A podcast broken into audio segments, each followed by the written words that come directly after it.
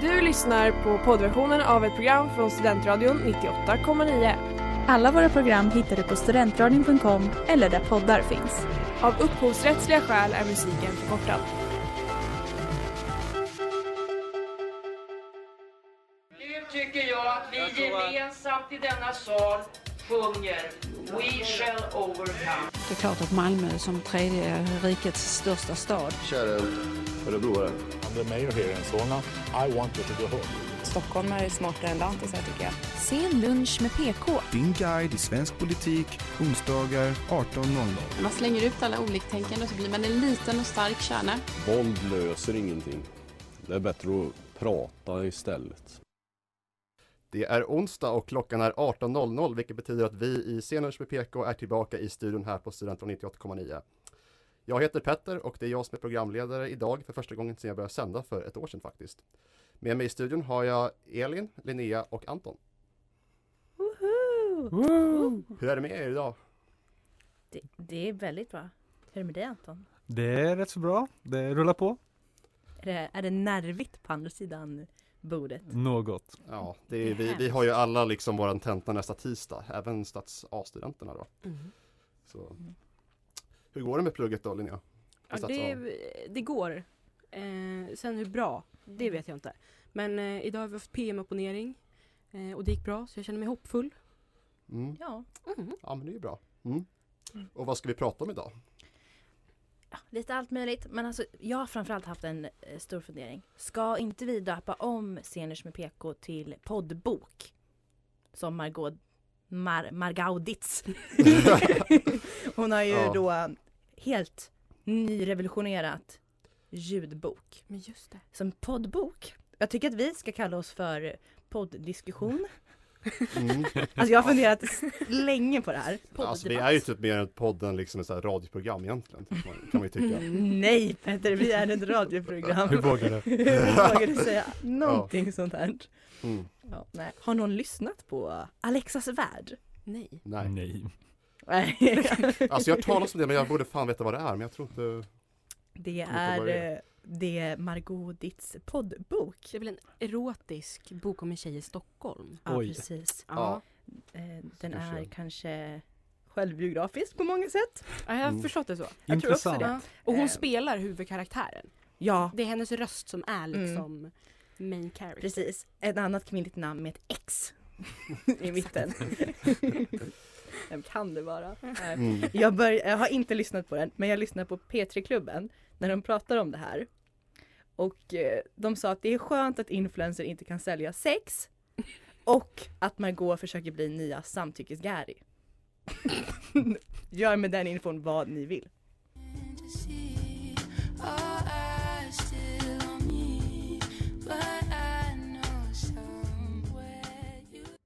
Och det där var Concrete med Orion Sun här på Studentradion 98,9 och ni lyssnar på Scenlunch med PK. Och eh, ja, det har ju gått sex dagar sedan eh, rapparen Einar eh, blev mördad och eh, det ska du prata om idag va? Eller hur Linnea? Det ska jag. Men jag tänkte öppna med lite om vem Einar var. Uppvuxen i Enskededalen i södra Stockholm. Han var son till skådespelaren Redan Nilsson och ett, hade ett starkt intresse för musik eh, som han hade hela livet. Alltså ända sedan han var ett litet barn. Eh, 2019, när han var 16 år, släppte han Katten i trakten som snabbt nådde Sveriges topplista eh, och hans karriär hade en raketstart. Sedan dess har han varit med i Sveriges mest lyssnade uppmärks- har han varit en av Sveriges mest lyssnade och uppmärksammade artister och har mottagit priser eh, på både Grammyskalan och P3 Guld. Han har tillsammans med andra rappare varje månad tävlat om att vara Sveriges mest spelade artist. På Spotify har han en och en halv miljon lyssnare per månad. Det är det dubbla från Håkan Hellström och 200 000 mer än Uppsalas egna stolthet Veronica Maggio. Eh, och i och med det här så har det ju väckt väldigt mycket debatt om alla möjliga olika saker när det kommer till gängkriminalitet och gängvåld. Eh, och den redan existerande debatten om huruvida gangsterrap glorifieras eller om det visar på folks liv och man får en inblick i en värld man kanske inte själv befinner sig i är igång på nytt. Eh, så jag har dykt in lite på vad man kan göra åt det här och vad folk tycker och känner. För jag känner själv att jag har väldigt lite kött på benen. Och när jag hörde en debatt kring det här som eh, kände jag att jag inte vet vart jag står i frågan. Om det är rätt att kanske censurera eh, den här gangsterrappen som sänds på radio. Om man bara får sända den på vissa kanaler mellan vissa tider. Ifall man ska ta bort den helt och hållet. Eller ifall man ska välja att tolka det eh, och liksom försöka få en blick in i en värld som man kanske själv inte befinner sig i då. Så jag undrar lite vad ni tycker. Alltså jag tror ju eh, först och främst på yttrandefrihet så att förbjuda den här musiken är, tycker jag inte är rätt väg att gå så länge de inte eh, vad ska jag säga, bryter mot eh, reglerna och sånt där. Men jag tycker vad man däremot eh, kan undvika att göra det är, dela ut, det är att inte dela ut priser och hylla dessa eh, kriminella som om de vore en slags förebild när de egentligen inte är det. Mm. Eh, på samma sätt som att vi till exempel inte delar ut priser till vit maktband. Även om de håller sig inom yttrandefrihetens lagar och sånt där. Alltså jag tänker att det är viktigt att eh, skilja, att kunna ha två tankar samtidigt, att kunna skilja på verk och person. Fast det, det kan man inte göra i det här läget för ehm, de här personerna som gör gangsterrap, de är ju gangsters i verkligheten precis som att pe- rasister som gör vit maktmusik är rasister på riktigt. De som skriver rasistiska låttexter är ju rasister på riktigt. Ja, men tänker du inte också någonstans att de skildrar en verklighet? Ja, det gör de här vit maktmusikerna också. De säger att de är rasister, de uttrycker sin hat mot minoriteter. Jag vet inte riktigt om jag tycker att det är samma sak. Alltså jag håller inte med vad gangsters gör. Eh, men de skildrar ju en situation och deras liv i utsatta områden. Eller vad tycker du Anton? Jag tycker att det blir lite på en case to case basis där det finns, om det direkt är våld som uppmuntras till i låtarna så kanske inte, kanske inte super. Det ska ju fortfarande inte censureras men det kanske inte ska spela på vet, nationell media. Men eh, Ja, det här är en intressant diskussion och vi ska fortsätta med den efter pausen.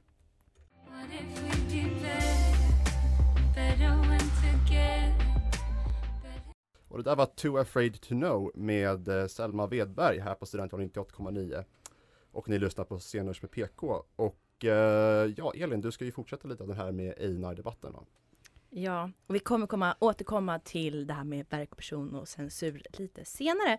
Men först så ska vi ta och kolla lite på vad har vi, våra politiker gjort? För det här är ju ändå ett inrikespolitiskt program och ibland så måste vi ändå prata om lite politik. Inte för att jag motsätter mig det.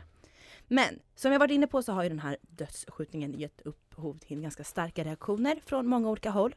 Från av allmänheten och politiker. Främst har såklart kondolenser framförts. Eh, men även har det gjort att eh, våra partiledare och politiker har uttryckt sig. Ebba Busch menade i hennes Facebook-inlägg att det här måste få ett slut och att det måste följas av politiska handlingar.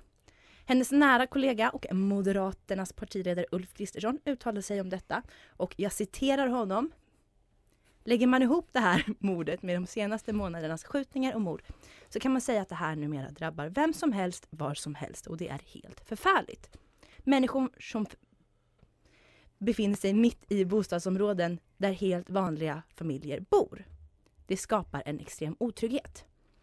Uttalandet av denna karaktär har fått många att kritisera politikerna för att enbart lyfta problemet med dödsskjutning nu när det drabbat en vit kille i ett medelklassområde. Det ska sägas att han sköts ihjäl i Hammarby sjöstad där medelinkomsten är på strax över 52 000 kronor i månaden.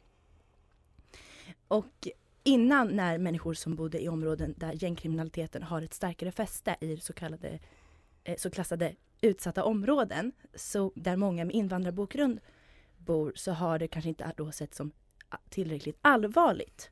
Ulf har främst kritiserats för att hans uttalande har menat på har varit inhumant och att han antyder att vanliga människor inte har drabbats innan Einar. Eh, har ni Ja, alltså det där, det, det där du säger stämmer ju inte. Alltså Ulf Kristersson och Alliansen har ju faktiskt pratat om de här dödsskjutningarna jättelänge. Det är ju, han, har ju pratat, han har ju till exempel skrivit nästan varje gång det har varit en dödsskjutning på Facebook och sånt där.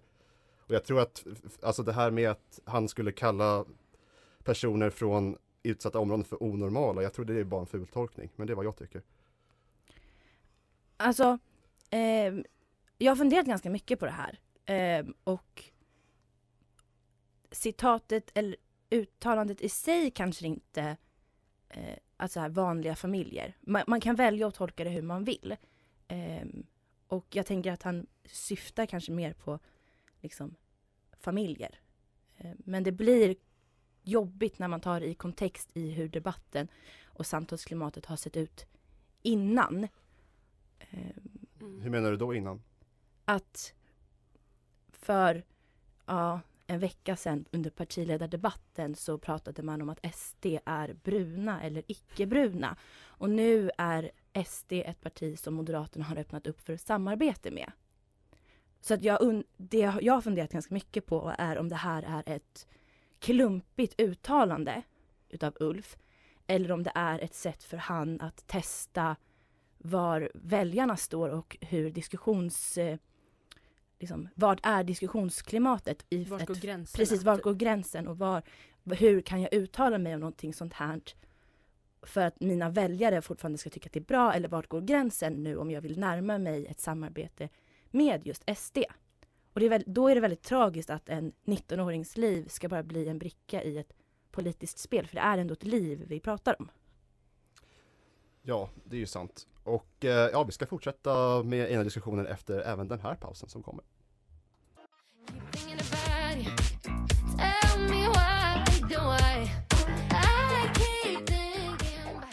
Och det där var Thinking about you med Amanda Järlov här på Studentradion 98,9.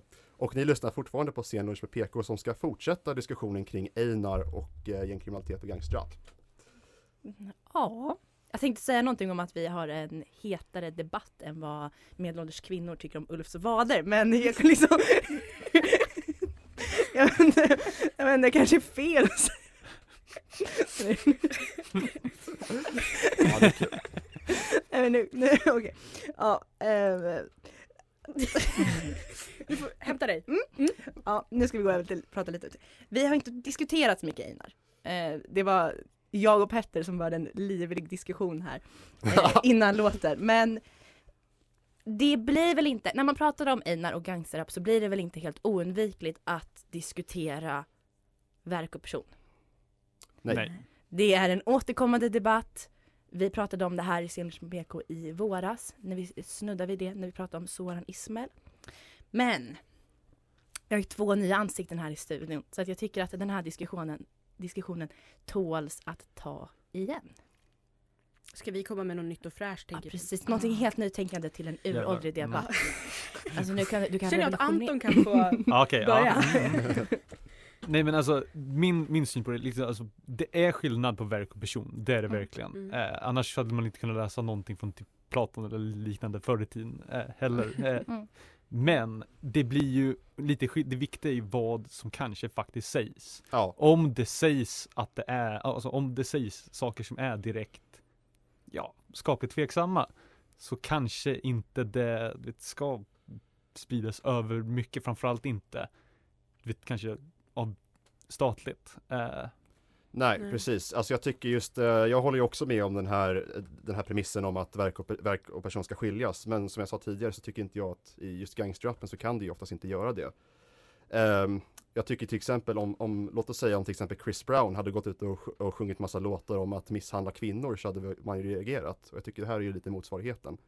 Just när gangsterrappare eh, är de som skjuter, är de som säljer droger, är de som ehm, ser på kvinnor som eh, som slampor och sånt där. Så liksom, det är ju, jag tycker det är, finns en stor skillnad. Mm. Speciellt alltså nu med gangsterrappen för de säger ju vad jag har förstått att de liksom speglar sin egen verklighet. Mm. Eh, och då blir det ju väldigt svårt att skilja på verk och person. Sen så kan man ju hitta på så att man kan ju absolut skilja på det. Eh, men det är ju alltså verkligen case to case och sak för sak. Ja. Tror jag. Ja. Ja men alltså så här, ehm, typ att det, det som är det som är unikt med gangsterrappen, det är ju att de tar ju inte det via skivbolag. Eh, utan man, man frågar ju sin kompis Mm. som står i något litet hörn och bara säger Ej, nu ska du regissera min musikvideo här eller, eller nu ska du fixa min turné, nu är du min manager liksom. Mm. Och det blir ju ett sätt för dem att tjäna liksom, pengar och liksom, det blir ju någonstans ett annat än att göra det då om de skildrar sin vardag. ja, då har de inte lika mycket tid att ägna sig åt den här vardagen som de skildrar. För att de, har tid, de skriver musik, de producerar musik. De är liksom artister. Och, men det blir också någonstans då som konsument. Eh, om du lyssnar på dem, konsumerar du då och finansierar du liksom de här handlingarna som de gör på sidan av? Det får man väl se liksom Ja. När, det, när man vet om det. Det blir det någonstans. Och det är väl svårare kanske att skilja på verk och person när personen är en del av ens samtid. Mm. Time will tell.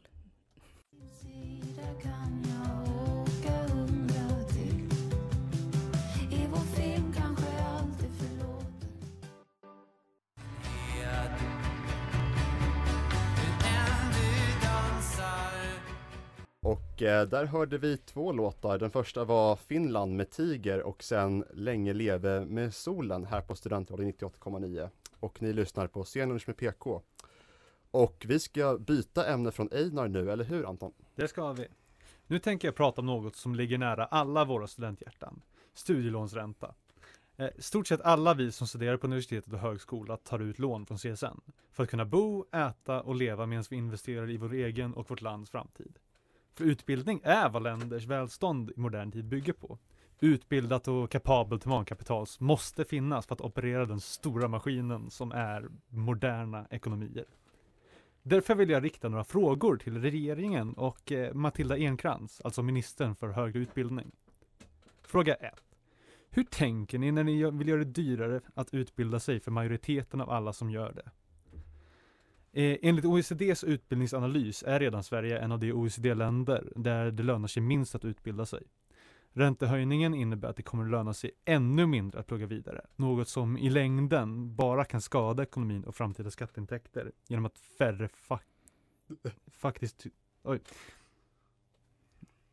Genom att färre, färre faktiskt tycker att det känns värt det. Detta skadar särskilt några av våra mest nödvändiga men minst belönade yrken, såsom lärare och sjuksköterskor, eh, som redan har svårt att betala av sina lån och sina svaga lön, med, med, sina, med sina svaga löner.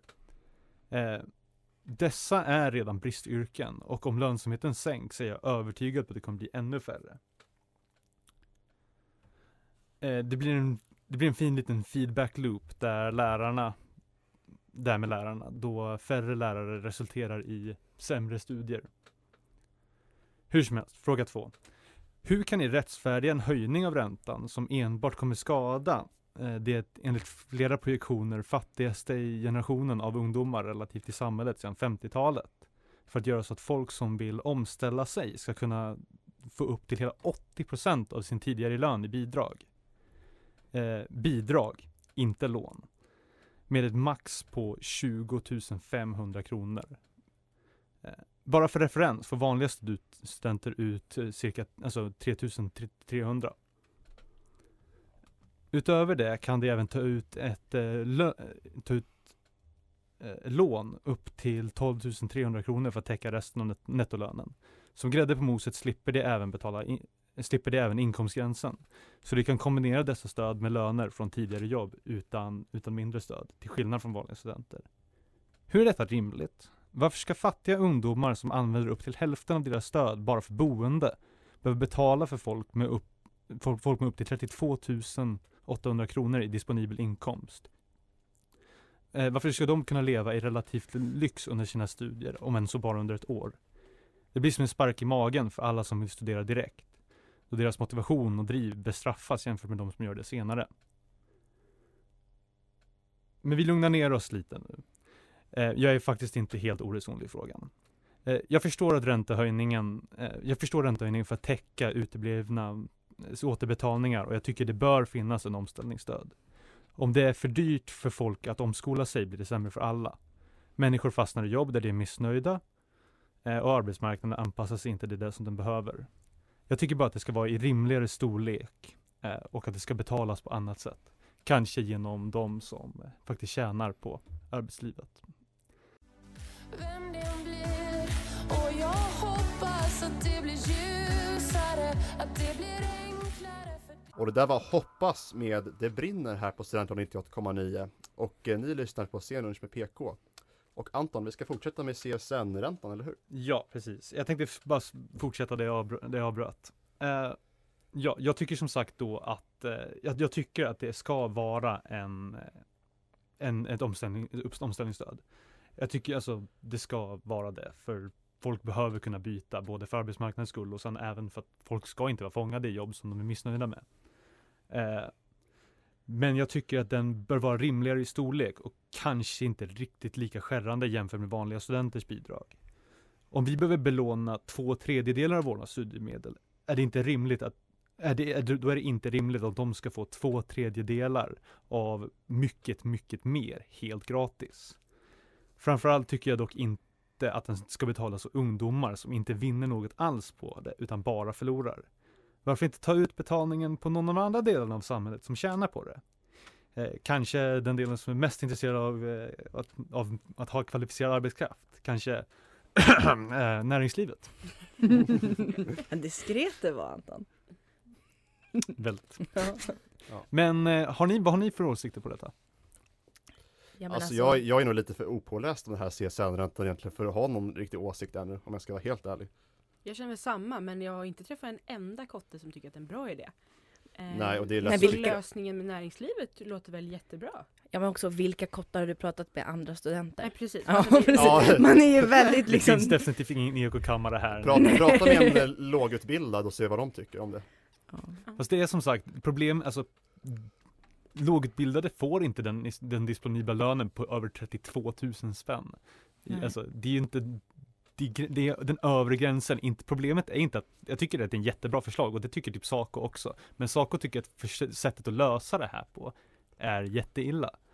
Ja det är det som blir knasigt. Ja. När vi andra ska finansiera Ja. det och inte får samma bidrag. Ja, exakt. Vi får mycket, mycket mindre. Ja men då är det ju som att då Ja men eh, jag började plugga direkt efter gymnasiet. Skulle jag då ha jobbat i några år sedan och sagt att nu, nu är det min tur. Now it's my time to shine. Och då pluggat så att jag då hade fått bidrag istället för lån. Ja, det blir direkt kontraproduktivt Och- till liksom, Det kommer ju inte, det blir ju jättemärkligt. mm, Um, om man tänker så. Och framförallt då om jag förhoppningsvis, det här är inte för alla, det pratar ut mitt privilegie, privilegierade liv. Men om man jobbar så har man kanske mer utav en buffert. Mm. Alltså jag gick från ett typ av studielån till ett annat. ja. så det är liksom studiebidrag. Och, och om man vet att man, alltså om man vill, vet, vet att man vill återkomma till studierna och har ett stabilt jobb, Mm. då kan man ju faktiskt spara upp en Ja. buffert till sig själv också, Ja. till viss del. Och sen om man ska vara en väldigt kall ekonom här i två sekunder, eh, vad tjänar staten mest på i längden? Att investera i ungdomarna eller de som har gått halva, halva arbetslivet igenom redan? Ungdomarna. Ungdomarna. Mm. Vi gillar ju inte kalla ekonomer på scener som är PK, Nej, men det där nej. är ett argument som jag stödjer eftersom att jag är, all, Du är ungdom. jag är ung och det rör mig. Mm. Och det är ett argument som stär- stärker min, eh, min åsikt. och jag är populist på det sättet. Det är väldigt bra. Eh, Men eh, nej, för det blir ju det är väl, det är väl den, mina favoritgenerationer, Köttberget och dess barn, som har utsatt oss för det här. Eller vad ska jag... Det är det enda. Kan man skylla det på någon generation så är det Köttberget eller våra föräldrar generation.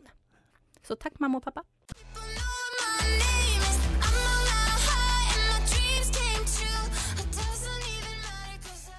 Det där var I Lost med Lou Elliot som även är känd för att vara ledsångerskan i gruppen Estraden här på Studenten 98,9.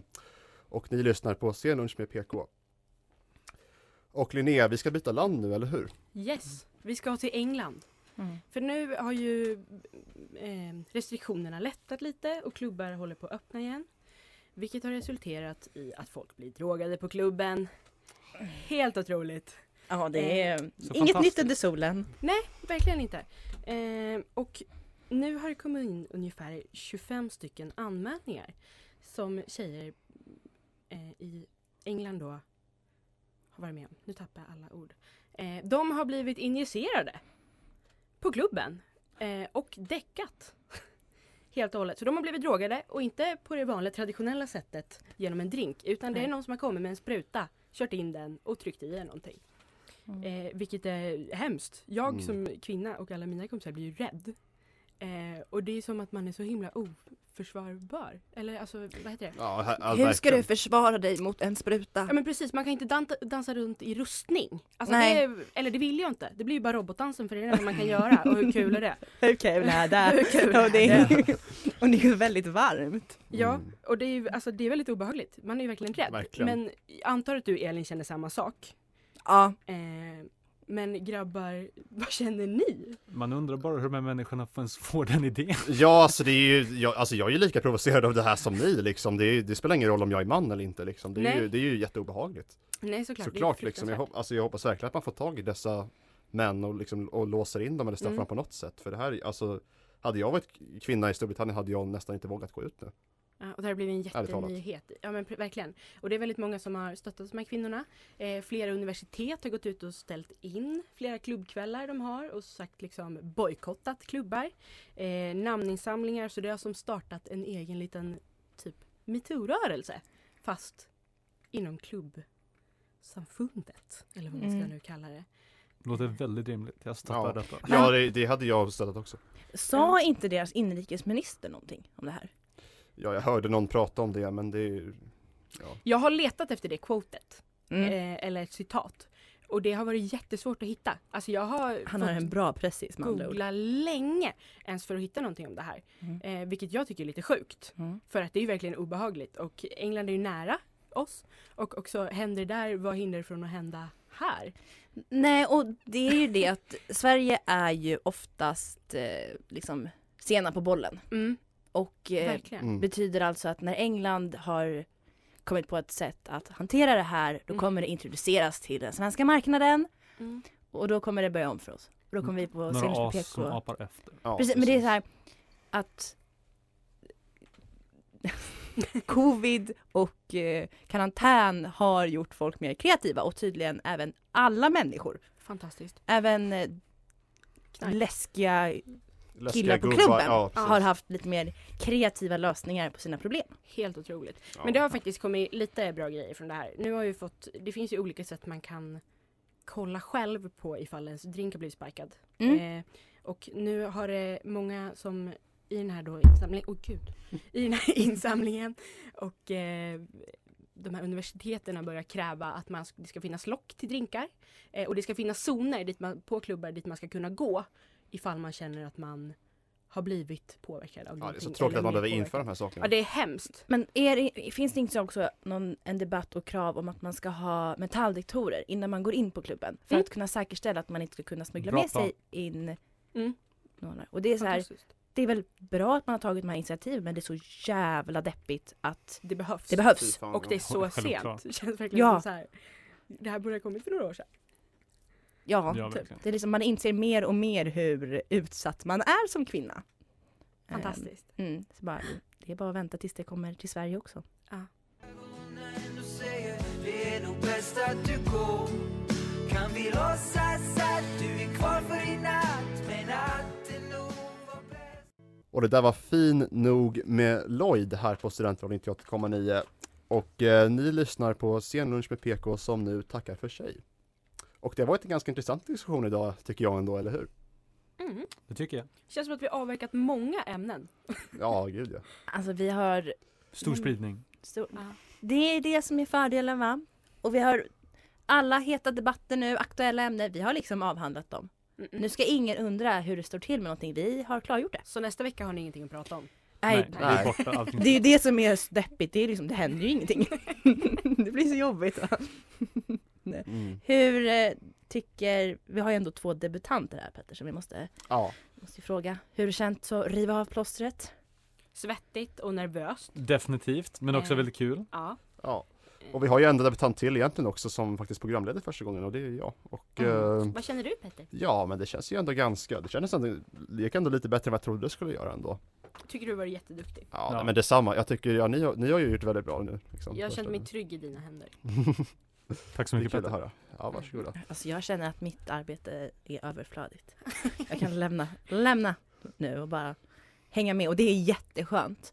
Nu liksom, Ja. jag bara simma lugnt med. Precis, jag eh, företräder dig på styrelsemötet Elin och nu är jag programledare. Säg bara till om du behöver något mer hjälp. Eller är liksom, anar jag en kupp här Eller från hur, jag sida? tänkte, jag tänkte kände det med. Det där, Ja. det där var bara Jag kuppvarning. Ja, precis. jag bara väntar på att du liksom Snart kastar han tärningen. Precis. Stormar in och tar över. avsätter mig med våld. ja. Nu är det nu slut med matriarkatet på radio. Ett år räckte. Nu Petter, Petter till, till posten. Tillbaks till patriarkatet. Ja. Man vet vad man kan förvänta sig då. Jag tycker att det är bra att vi ledamöter är ändå, det är ändå jämnt fördelat. Det är ju 50-50 tror jag fortfarande. Och vi har ju fått Vi är ju poolkandare. Precis, och vi har ju fått tre helt nya ledamöter nu i helgen. Eh, som, det kommer komma ett avsnitt snart när vi kör ett eh, likt alla kongresser och att vi ska få en ny regering. Så kommer det vara ett nytt avsnitt väldigt, väldigt snart med våra nya ledamöter. Gud så kul. Och Det det som är så fint är ju att vi är ju exakt 50-50. Vi är ju typ det mest jämställda utskottet inom UPS. Det tycker jag att vi förtjänar någonting för. Fika. Och även fotoämbetet Gör som, KU, fixa Även- fika. även fotoämbetet som du är del av Elin är ju väldigt jämnt fördelat. Det är också 50-50. Ja, att jag, jag tänker Ni ta... är två stycken, en kille och en tjej då. Ja. Men det är ändå 50-50 Linnea. Ja, det är 50-50. Ja, det, är jag, tänker ta, jag tänker tolka det som Petter att du menar att eh, där jag än, vad jag än rör och tar för mig blir det jämställt. Tycker det låter rimligt. Bra Mm. egenskap ändå. Ja, tack. Måste få in det i riksdagen. Eh, Du, Magdalena, watch out. Du har lyssnat på poddversionen av ett program från Studentradion 98,9. Alla våra program hittar du på studentradion.com eller där poddar finns. Och kom ihåg, att lyssna fritt är stort, att lyssna rätt är större.